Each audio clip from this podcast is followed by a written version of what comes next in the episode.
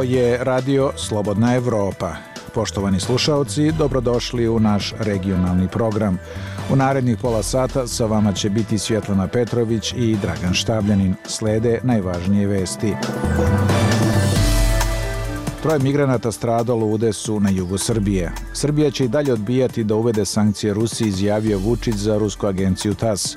Štrajk upozorenja radnika, rudnika i termoelektrane Ugljevik zabrinutih da će preduzeće ostati bez dovoljno uglja ukoliko se privatnoj ruskoj firmi dozvoli eksploatacija na njihovom ležištu. Majka preminula protivnika Kremlja Aleksija Navalnog pozvala je utorak ruskog predsjednika Vladimira Putina da je bez odlaganja preda telo sina. Zahtevu se pridružilo i 67.000 ruskih građana. Mreža X je utorak nakon kratke suspenzije vratila profil Julije Navalnaje, udovice ruskog opozicionara Alekseja Navalnog. Još nije jasno zašto je njen profil bio suspendovan. Vrhovni sud Ruske republike Tatarstan presudi utorak da novinarka radija Slobodna Evropa Alsu Kurmaševa, koja je u ruskom pritvoru više od četiri meseca zbog optužbi koje ona RSE i njene pristalice odbacuju, ostane u istražnom pritvoru. Sud u Moskvi odbio još jednu žalbu američkog novinara Evana Gerškovića na istražni pritvor pod optužbom za špionažu koju on, njegova matična kuća Wall Street Journal i Washington odbacuju. Rusija je označila američku radio Slobodna Evropa kao nepoželjnu organizaciju na osnovu registra Ruskog ministarstva pravosuđe objavljenog utorak. Radio Slobodna Evropa i uređivački nezavisna medijska kompanija finansirana donacijom Američkog kongresa putem agencije SAD-a za globalne medije. Izrael nastavio da bombarduje gazu oči glasanja o primirju Savetu bezbednosti Ujedinjenih nacija. Osnivač Wikileaksa Julian Assange započinje moguće posljednju pravnu bitku koja bi ga mogla spasiti od izručenja iz Velike Britanije u SAD U ovoj emisiji još možete čuti. Republika Srpska još jednom želi da proda nekretnine koje su navodi iz BH institucije u vlasništu države Bosne i Hercegovine. Ovaj put se radi o zemlji na Jahorini. Analitičar Muharem Cero. U pitanju je državna imovina kao fundus javnih dobara. Konkretni primjer na Jahorini radi se o javnom dobru, naravno da se radi o planinama. Radi se o planinama i o pravu korištenja, a ne pravu nažalost, pravo korištenja se pretvaralo u pravno vlasništvo. Ideja o postavljanju ruskog antisatelitskog nuklearnog oružja nije nova, već seže još u 1960. kaže za Radio Slobodna Evropa britanski profesor Bledin Bowen povodom izjava američkog kongresmena Majka Tarnera da Rusija razvija takvo oružje. To je veoma jednostavan protivsatelitski sistem, a Rusi posjeduju te kapacitete već mnogo godina. Sada, Novo bi bilo da se oružje instalira u orbiti, ali to nije novi koncept i mogućnost.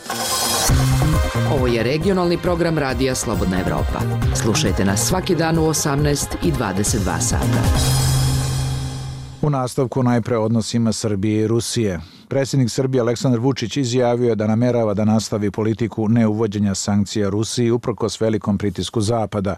On je u intervju generalnom direktoru Ruske državne agencije TAS Andreju Kondrašovu rekao da nije hteo da glumi heroja dan dva, a onda kako je istakao da promeni svoju odluku. Mi se, kako je kazao, ne bucamo u grudi ili bilo šta, ali kao što vidite, moj odgovor će biti isti i u buduće da ćemo se truditi da branimo svoju poziciju što je duže moguće. To možemo da uradimo već dve godine, ne znam da li ćemo to nastaviti, ali nadam se tome, rekao je Vučić. Iako je kandidat za članstvo u Evropskoj uniji, Srbija je jedna od redkih evropskih zemalja koja se nije pridružila sankcijama protiv Rusije nakon njene invazije na Ukrajinu u februaru 2022. Zanima vas što se dešava u regiji? Sve možete naći na slobodnaevropa.org o zbivanjima u Bosni i Hercegovini. Republika Srpska još jednom želi da proda nekretnine koje su, kako navode iz BH institucije, u vlasništvu države Bosne i Hercegovine. Ovaj put se radi o zemlji na Jahorini. Pravobranila što BiH je već pokrenulo postupak, iako, kako navode iz vlade ovog BH entiteta, prodata zemlja nije u inventaru državne imovine. Detaljnije Goran Katić. Republika Srpska prodaje državnu imovinu uprkos upozorenjima pravobranilaštva Bosni i Hercegovini i činjenici da postojeći državni zakoni to zabranjuju. Vlada ovog BH entiteta je za oko 21 milion evra prodala više od 56.000 kvadratnih metara zemlje pod šumom na planini Jahorini u opštini Pale nedaleko od Sarajeva, preduzeću Drvo Eksport iz Deslića u srednjoj BiH. Radi se o zemlji koja se nalazi nadomak postojećih hotela i skijaških staza na Jahorini, jednoj od najpopularnijih skijaških destinacija u BiH. Državna imovina u BiH je pod zabranom raspolaganja od 2005. godine, kada je tadašnji visoki predstavnik u BiH, Pedi Ashdown, nametnuo zakon o tome, koji će biti na snazi sve dok parlamentarna skupština BiH ne donese novo rješenje o raspolaganju imovinom na državnom nivou. Taj zakon određuje da je državna imovina ona koja je pripala BiH na osnovu sporazuma o pitanjima sukcesije bivše Jugoslavije iz 2001. godine, kao i imovina kojom je BiH upravljala kao sastavni dio Jugoslavije do kraja 1991. Čim su saznali za potez vlade Republike Srpske, upravo branilaštvu Bosne i Hercegovine su reagovali, kažu za radio Slobodna Evropa iz ove institucije. Pravobranilaštvo BiH je odmah po saznanju za donošenje odluke vlade Republike Srpske o načinu i uslovima prodaje nepokretnosti koje se nalaze u okviru posebnog područja Jahorina formiralo predmet i poduzima odgovarajuće pravne radnje prema nadležnim upravnim i sudskim organima. Dodaju da su dopisom upozorili Ministarstvo trgovine i turizma Republike Srpske da ne prodaje zemljište, što je na kraju ipak učinjeno. Ministarstvo trgovine i turizma Republike Srpske, koje je u ime entitetske vlade bilo nadležno za ovu prodaju, raspisalo je 4. januara javni poziv o prodaji.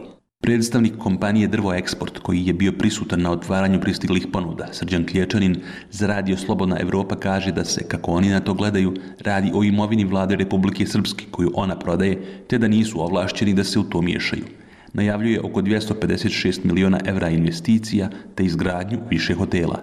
Iz Ministarstva trgovine i turizma ističu za radio Slobodna Evropa da navedeno zemljište nije u inventaru državne imovine, te da se ranije u katastru vodilo kao šumsko zemljište koje nije bilo eksploatisano. Dodaju da vlada Republike Srpske ovom imovinom raspolaže u skladu sa pozitivno pravnim propisima i zemljišnim evidencijama koje vode institucije RS u skladu sa svojim nadležnostima. Zbog namjere da se zemljište na Jahorini proda, prenamijenjeno je u građevinsko, a drvo koje će ostati nakon krčenja šume će pripasti javnom preduzeću Šume Republike Srpske.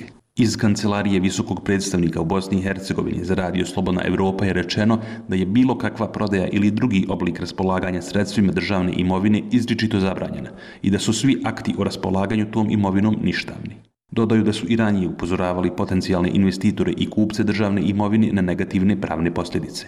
Stručnjak za državnu imovinu Muharem Cero kaže za Radio Slobodna Evropa da državna imovina nije samo ona iz sporazuma o sukcesiji, nego imovina iz kontinuiteta BiH kao države, te da i prodata zemlja na Jahorni pripada državi BiH. U pitanju je državna imovina kao fundus javni dobara. Javna dobra su jeli šume, planine, rijeke, nebo, more. Konkretni primjer na Jahorni radi se o javnom dobru, naravno da se radi o planinama. Radi se o planinama i o pravu korištenja, a ne pravu vlasništva. Nažalost, pravo korištenja se pretvaralo u pravno vlasništvo. On ističe da vlasti u Republici Srpskoj od ranije insistiraju na konceptu sastavljene države, te da su entiteti preko Dejtonskog sporazuma u BiH unijeli međunarodni subjektivitet i teritorijalni integritet, a zanemaraju kontinuitet. Republika Srpska je i ranije različitim zakonskim rješenjima pokušavala da prisvoji državnu imovinu, nakon čega su Ustavni sud BiH i OHR donosili odluke da samo država BiH može raspolagati državnom imovinom. Sud je u svim odlukama naveo da BiH ima isključivu nadležnost u regulisanju državne imovine. Za radio Slobodna Evropa iz Banja Luke, Goran Katić. I u nastavku o zbivanjima u Bosni i Hercegovini, više stotina prosvetnih radnika Hercegovačko-Neretvanskog kantona uz podršku predstavnika sindikata iz Bihaća i Tuzle okupilo se utorak u centru Mostara na protestnoj šetnji koja je okončana skupom pred zgradom vlade ovog entiteta. Sindikalisti tvrde da ih vlada ignoriše i da nema ni razgovora o njihovom ranijem zahtevu za povećanjem plata za 15%, kao ni jednokratnih isplata pomoći u borbi protiv inflatornih udara. Detaljnije Mirsad Behram. Dva mjeseca nakon prošle protestne šetnje i štrajka upozorenja, članovi sindikata koji okupljaju zaposlene u osnovnim i srednjim školama, njih više stotina, i danas su se okupili u centru Mostara. Noseći transparente te u zvukove pištaljki i truba u dugoj koloni održali su protestnu šetnju u nekoliko mostarskih ulica, te potom i okupljanje pred sjedištem vlade Hercegovačko-Neretvanskog kantona. Predsjednik sindikata srednjih škola koje u Hercegovačko-Neretvanskom kantonu rade na hrvatskom jeziku, Josip Milić, kaže da su zahtjevi isti kao i prije dva mjeseca. Naše razlozi su e, povećanje plaće, isplata federalne pomoći koju je federalna vlada omogućila za pomoć u inflaciji, zatim e, raspisati natječaj na neodređeno vrijeme, zatim napredovanje u struci, jer smo jedina županija koja to nema, povoljnije umirovljenje i isprata zakonskih određenih akata, to su zakon i pedagoški standardi. Milić je ustvrdio da ni nakon prvog protesta i štrajka upozorenja vlada HNK se nije odlučila na razgovor sa predstavnicima sindikata. Nego su odlučili pritiscima i silom razbiti ovaj prosvjed. međutim očito u tome nisu uspjeli. Mi ćemo to sve prijaviti Američkoj ambasadi i OHR-u jer je pravo na prosvjed temeljno ljudsko pravo koje je zagarantirano svim svjetskim i europskim konvencijama.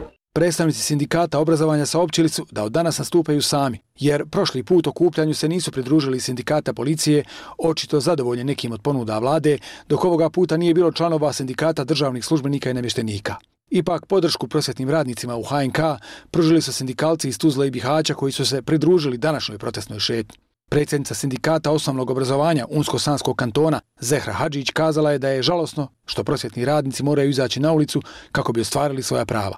Pa I nije to samo slučaj u Hercegovačko-Neretvajskom kantonu, nego općenito prosjetni radnici su nezadovoljni, a država, nažalost, neće naprijed dok ne podigne na pijadestal kako prosjetnog radnika, tako i učenika.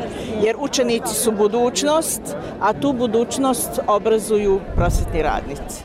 Predstavnici sindikata su na današnjem skupu kazali i kako ne stoje tvrdnje iz vlade da nema razloga za štrajk, odnosno da se poštuje kolektivni ugovor koji je još uvijek na snazi. Predsjednica sindikata srednjih škola u HNK koje rade na bosanskom jeziku, Edina Čomić, kazala je da razloga za štrajk ima i mimo kolektivnog ugovora, o čijem poštivanju je rekla. Ne poštuje se taj kolektivni ugovor. Znači tamo recimo stoji da svake tri godine imamo pravo na sistematski pregled. Ja ću vam reći da ovi ljudi su zadnji put imali sistematski pregled 2010. godine. Drugo, naš topli obrok iznosi 1% prosječne plaće. On već nije 1% nego je niži, a vlada je donijela odluku za cijelu 24. godinu i blokirala ga na tom iznosu. Sindikati obrazovanja su saopćili da ostaju pri zahtjevu da im se plata poveća za 15%, te ne isključuju ni opciju stupanja u generalni štrajk. Inače, iz vlade HNK je tokom održavanja prošlog štrajka upozorenja budžetskih korisnika u decembru saopćeno da svi eventualni razgovori o povećanjima primanja moraju biti u skladu sa realnom procjenom prihoda u budžetu.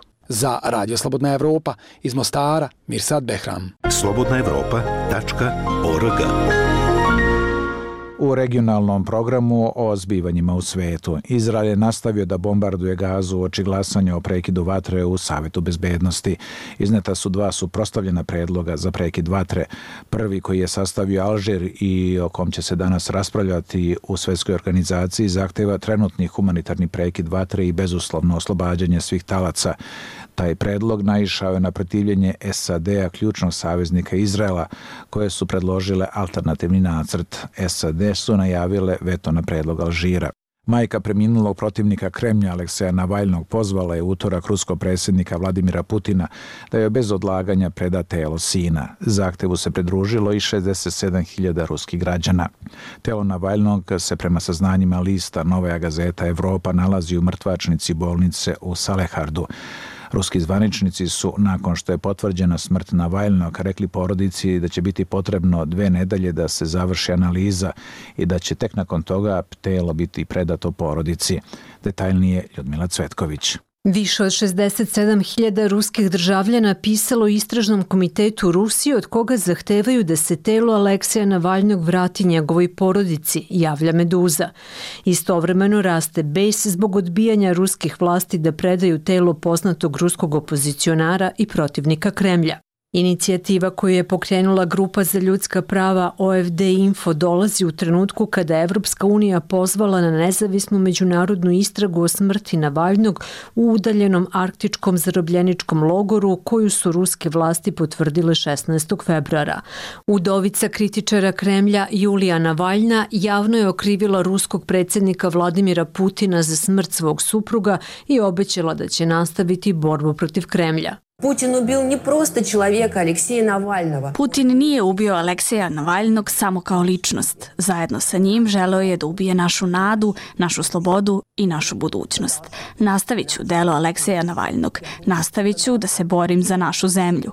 Pozivam vas da stanete na moju stranu. I ja prizivaju vas stati rядом sa mnom. Rekla u video poruci objavljenoj 19. februara supruga Aleksija Navalnog. Navalni je poslednji u nizu Putinovih neprijatelja koji su preminuli pod sumnjivim okolnostima u inostranstvu ili kod kuće, gde je Kremlj nemilosrdno suzbijao neslaganje i slobodu govora od početka invazije na Ukrajinu.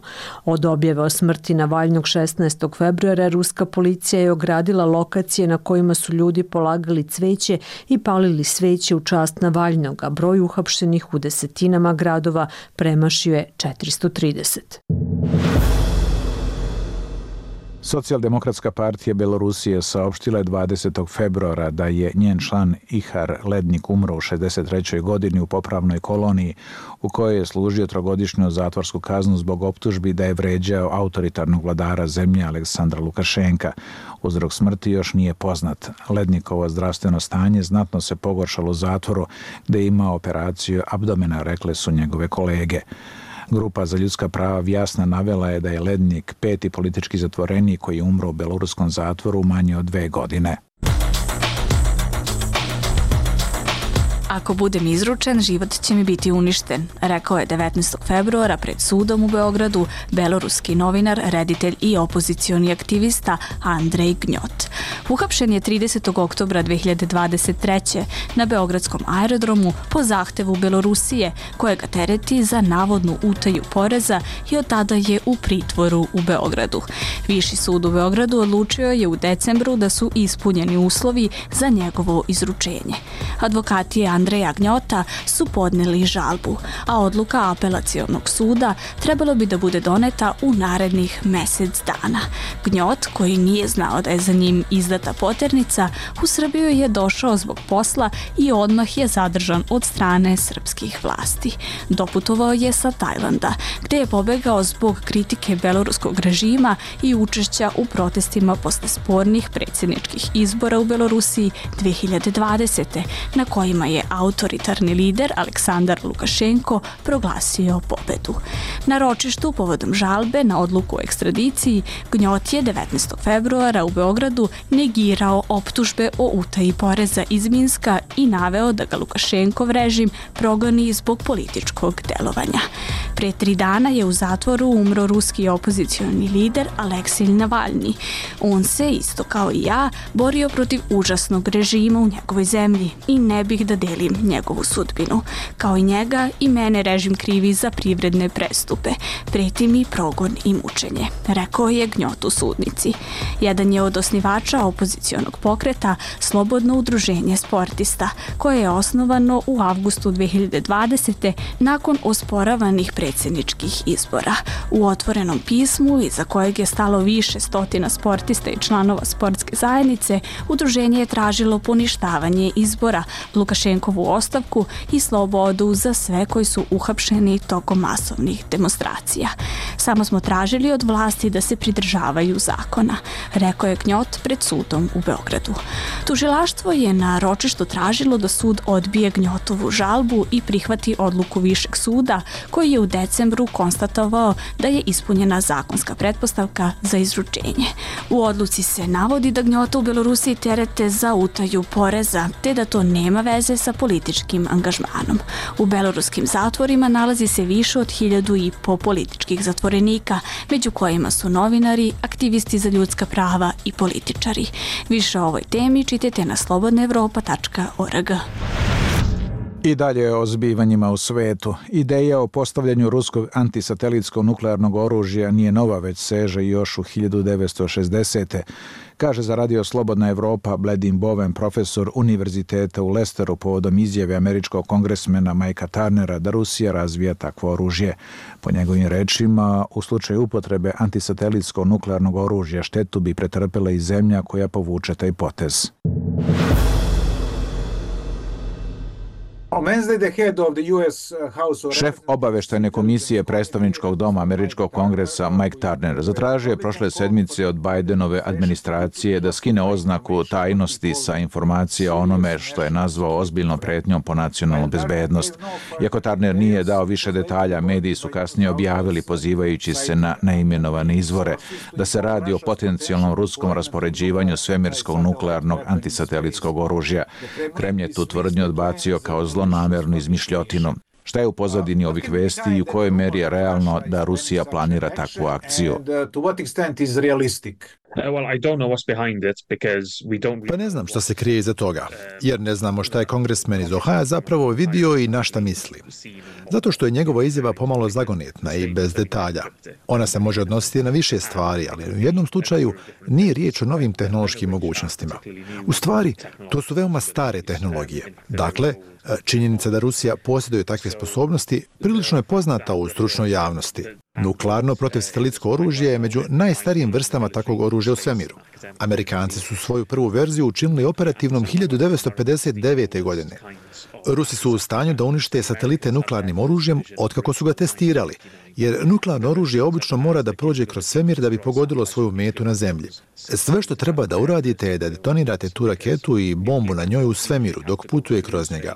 Dakle, to je veoma jednostavan protivsatelitski sistem, a Rusi posjeduju te kapacitete već mnogo godina. Sada, novo bi bilo da se oružje instalira u orbiti, ali to nije novi koncept i mogućnost. To također ne bi omogućilo nedostižne prednosti. Sovjetski savez istraživao je koncepte 60. i 70. i želio je da koristi nuklearno oružje stacionirano u svemiru za bombardovanje ciljeva na zemlji, tako što će sateliti letiti oko planete sa bombama na njima.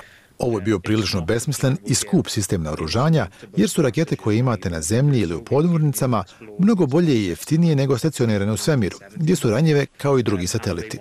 Ti nedostaci nisu novi. Sateliti su veoma ranjivi zbog efekata nuklearnog, ali ne nuklearnog oružja, kao što su eksplozivi, geleri ili elektronsko ratovanje. Rusija je pokazala sposobnosti u ovim oblastima, kao i Sovjetski savez prije nje.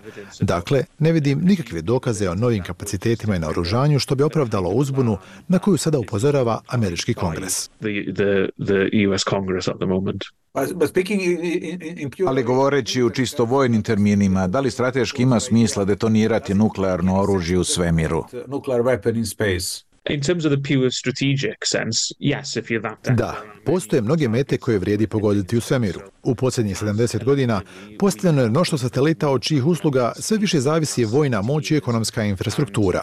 Stoga su sateliti potencijalno vrijedne mete u ratu i za planiranje rata. Pa smo zajedno kao vrsta učinili zemljino okruženje bogato metama, tako da možete to da koristite nuklearne bombe za stvaranje masivnih rupa u velikim konstelacijama. Zatim za obaranje određenih vrsta satelita na određenim visinama i područjima. Svi ti sateliti utiču na globalni ekonomski sistem, ali i na vojnu komandnu kontrolu uključujući djelovanje izviđačkih i obavještajno-špijunskih satelita. No da bi se oborili svi važni sateliti, neobhodno je upotrebiti ogromnu količinu oružja, ali većina armija je u osnovi prihvatila da to ne vrijedi raditi nuklearnim oružjem. Jer ako se pređe taj prag, povećava se vjerojatnoća potpunog nuklearnog sukoba na zemlji. U tom trenutku svi bismo imali mnogo veće probleme od brige o mašinama u svemiru. Uh, Uprkos ovim ranjivostima ili reakciji prema zemlji koja bi koristila pomenuto oružje u svemiru u slučaju širenja rata iz Ukrajine na Evropu ili neke vrste trećeg svetskog rata, svemir će po svemu sudeći biti deo tog sukoba. Yes. Um, space has been part of Da, svemir je bio dio vojnog planiranja i strategije ratovanja od početka svemirskog doba. Zato je nazvano svemirsko doba, jer je bilo vojno korisno, kao prostor kroz koji bi trebalo da prođe nuklearno oružje. Zatim rakete koje su razvijanje za njegovo lansiranje, ali i satelita. Prvi satelitski projekti u hladnom ratu u mnogim zemljama razvijeni su u vojne svrhe, za vojnu komandu, kontrolu i špionske satelite. Dakle, od najranijih dana svemirskog doba, svemirska tehnologija sateliti su bili zaista važni u vođenju rata, us. Komandi, kontroli i prikupljanju obavještajnih podataka a ta zavisnost od svemira se samo povećavala za vojske širom svijeta. Ta zavisnost se odnosila više na vođenje nuklearnog rata u 60. i 70. Međutim, od 80. pa nadalje, posebno u američkoj vojsci, sateliti su postali mnogo važniji na konvencionalnom vojnom polju, ali i u nuklearnim misijama. Sa drugim vojnim snagama koje se sada modernizuju, postajući sve zavisnije od svih vrsta svemirskih sistema, kao što sada vidimo u Ukrajini, Starlink svemirski sistemi pružaju mnogo mogućnosti koje su relevantne za pojedinačne bitke, a ne samo za strateška nuklearna pitanja. Stoga zavisnost vojske od svemirskog prostora stalno raste u posljednjih 70 godina. Bledim Boven, profesor Univerziteta u Lesteru i intervju za Radio Slobodna Evropa. Slike svakodnevnice šta muči ili inspiriše mlade kako prošle političke odluke utiču na našu budućnost. Ove i druge teme slušajte u podcastima Radija Slobodna Evropa. Sve epizode pronađite na iTunesu, Spotifyu, Google podcastima, kao i na slobodnaevropa.org. Slušajte odmah ili preuzmite epizodu za kasnije. Tu smo svakog dana. Podcast i Radija Slobodna Evropa ponovo o zbivanjima u regiji. U Srebrenici nema mjesta za druženje mladih. Tako govore Nela, Vildana i Jelena iz Srebrenice koje slobodno vreme uglavnom provode u okolnim gradovima Bratuncu ili Zvorniku. Ono što im fali u Srebrenici je kino, šetalište, autobuska stanica i shopping centar. Više u prilogu Kristine Gađe. 19-godišnja Jelena Mijatović iz Plavog mosta kod Srebrenice kaže da u kafićima najviše vremena provode starije generacije, zbog čega za kavu s prijateljicama bira najbliži susjedni grad Bratunac. Praksu u frizerskom salonu također odrađuje u Bratuncu, jer u Srebrenici nema potražnje u dva frizerska salona. Autobusni kolodvor je već godinu dana zatvoren. Budući da je Jelena udaljena 7 km od centra Srebrenice, najčešće putuje taksijem, poput brojnih Srebreničana koji nemaju vlastiti prijevoz. Autobusa nema, u Srebrenici čak ni ne postoje, autobuska stanca zatvorena je prije par godina. Putujem taksijem, ne živim baš u centru Srebrenice, nisam baš gore u gradu. Najviše budem u Bratuncu, dva puta sedmično idem u grad gore u Srebrenicu, u muzičku školu i tad provodim vrijeme gore. A najviše i mladi čak iz Srebrenice e, skoro svaki dan dolaze u Bratunac, jer u Srebrenici postoji samo dva kafića i u njih više ili idu stariji i onda mi mlađi pretežno biramo Bratunac i Bratunački korzo i kafiće jer i više društva bude u Bratuncu. Jelena Novac podiže u Bratuncu jer neke banke ne postoje više u Srebrenici, a kako navodi nema ni lokalne mesare i pekare. Problem za mlade je i manjak firmi jer da bi oni ostali u Srebrenici, objašnjava Jelena, treba više radnih mjesta,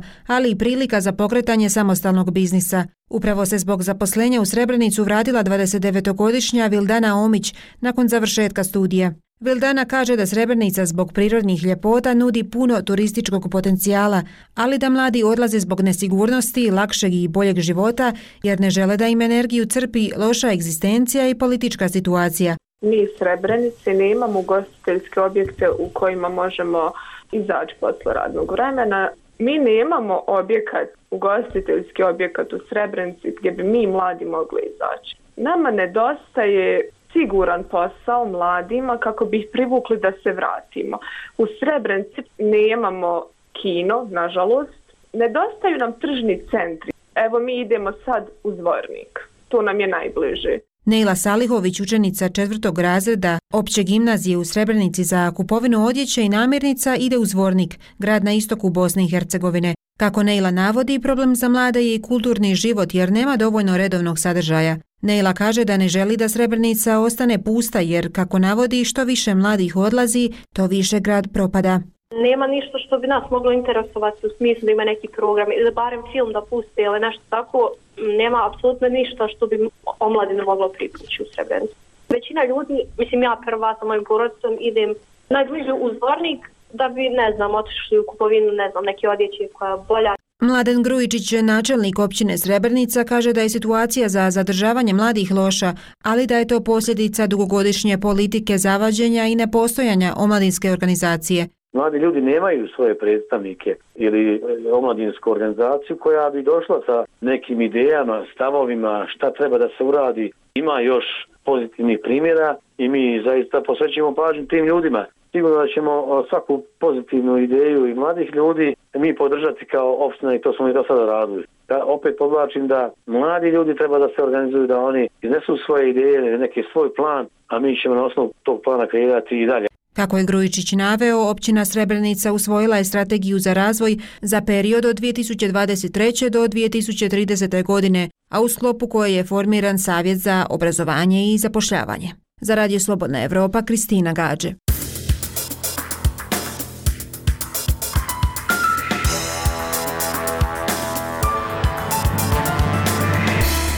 I to je poštovani slušalci bilo sve u ovoj emisiji Radija Slobodna Evropa. Kao i obično možete nas pratiti na web sajtu i društvenim mrežama. Iz studija u Pragu pozdravljaju vas Svjetlana Petrović i Dragan Štavljanin.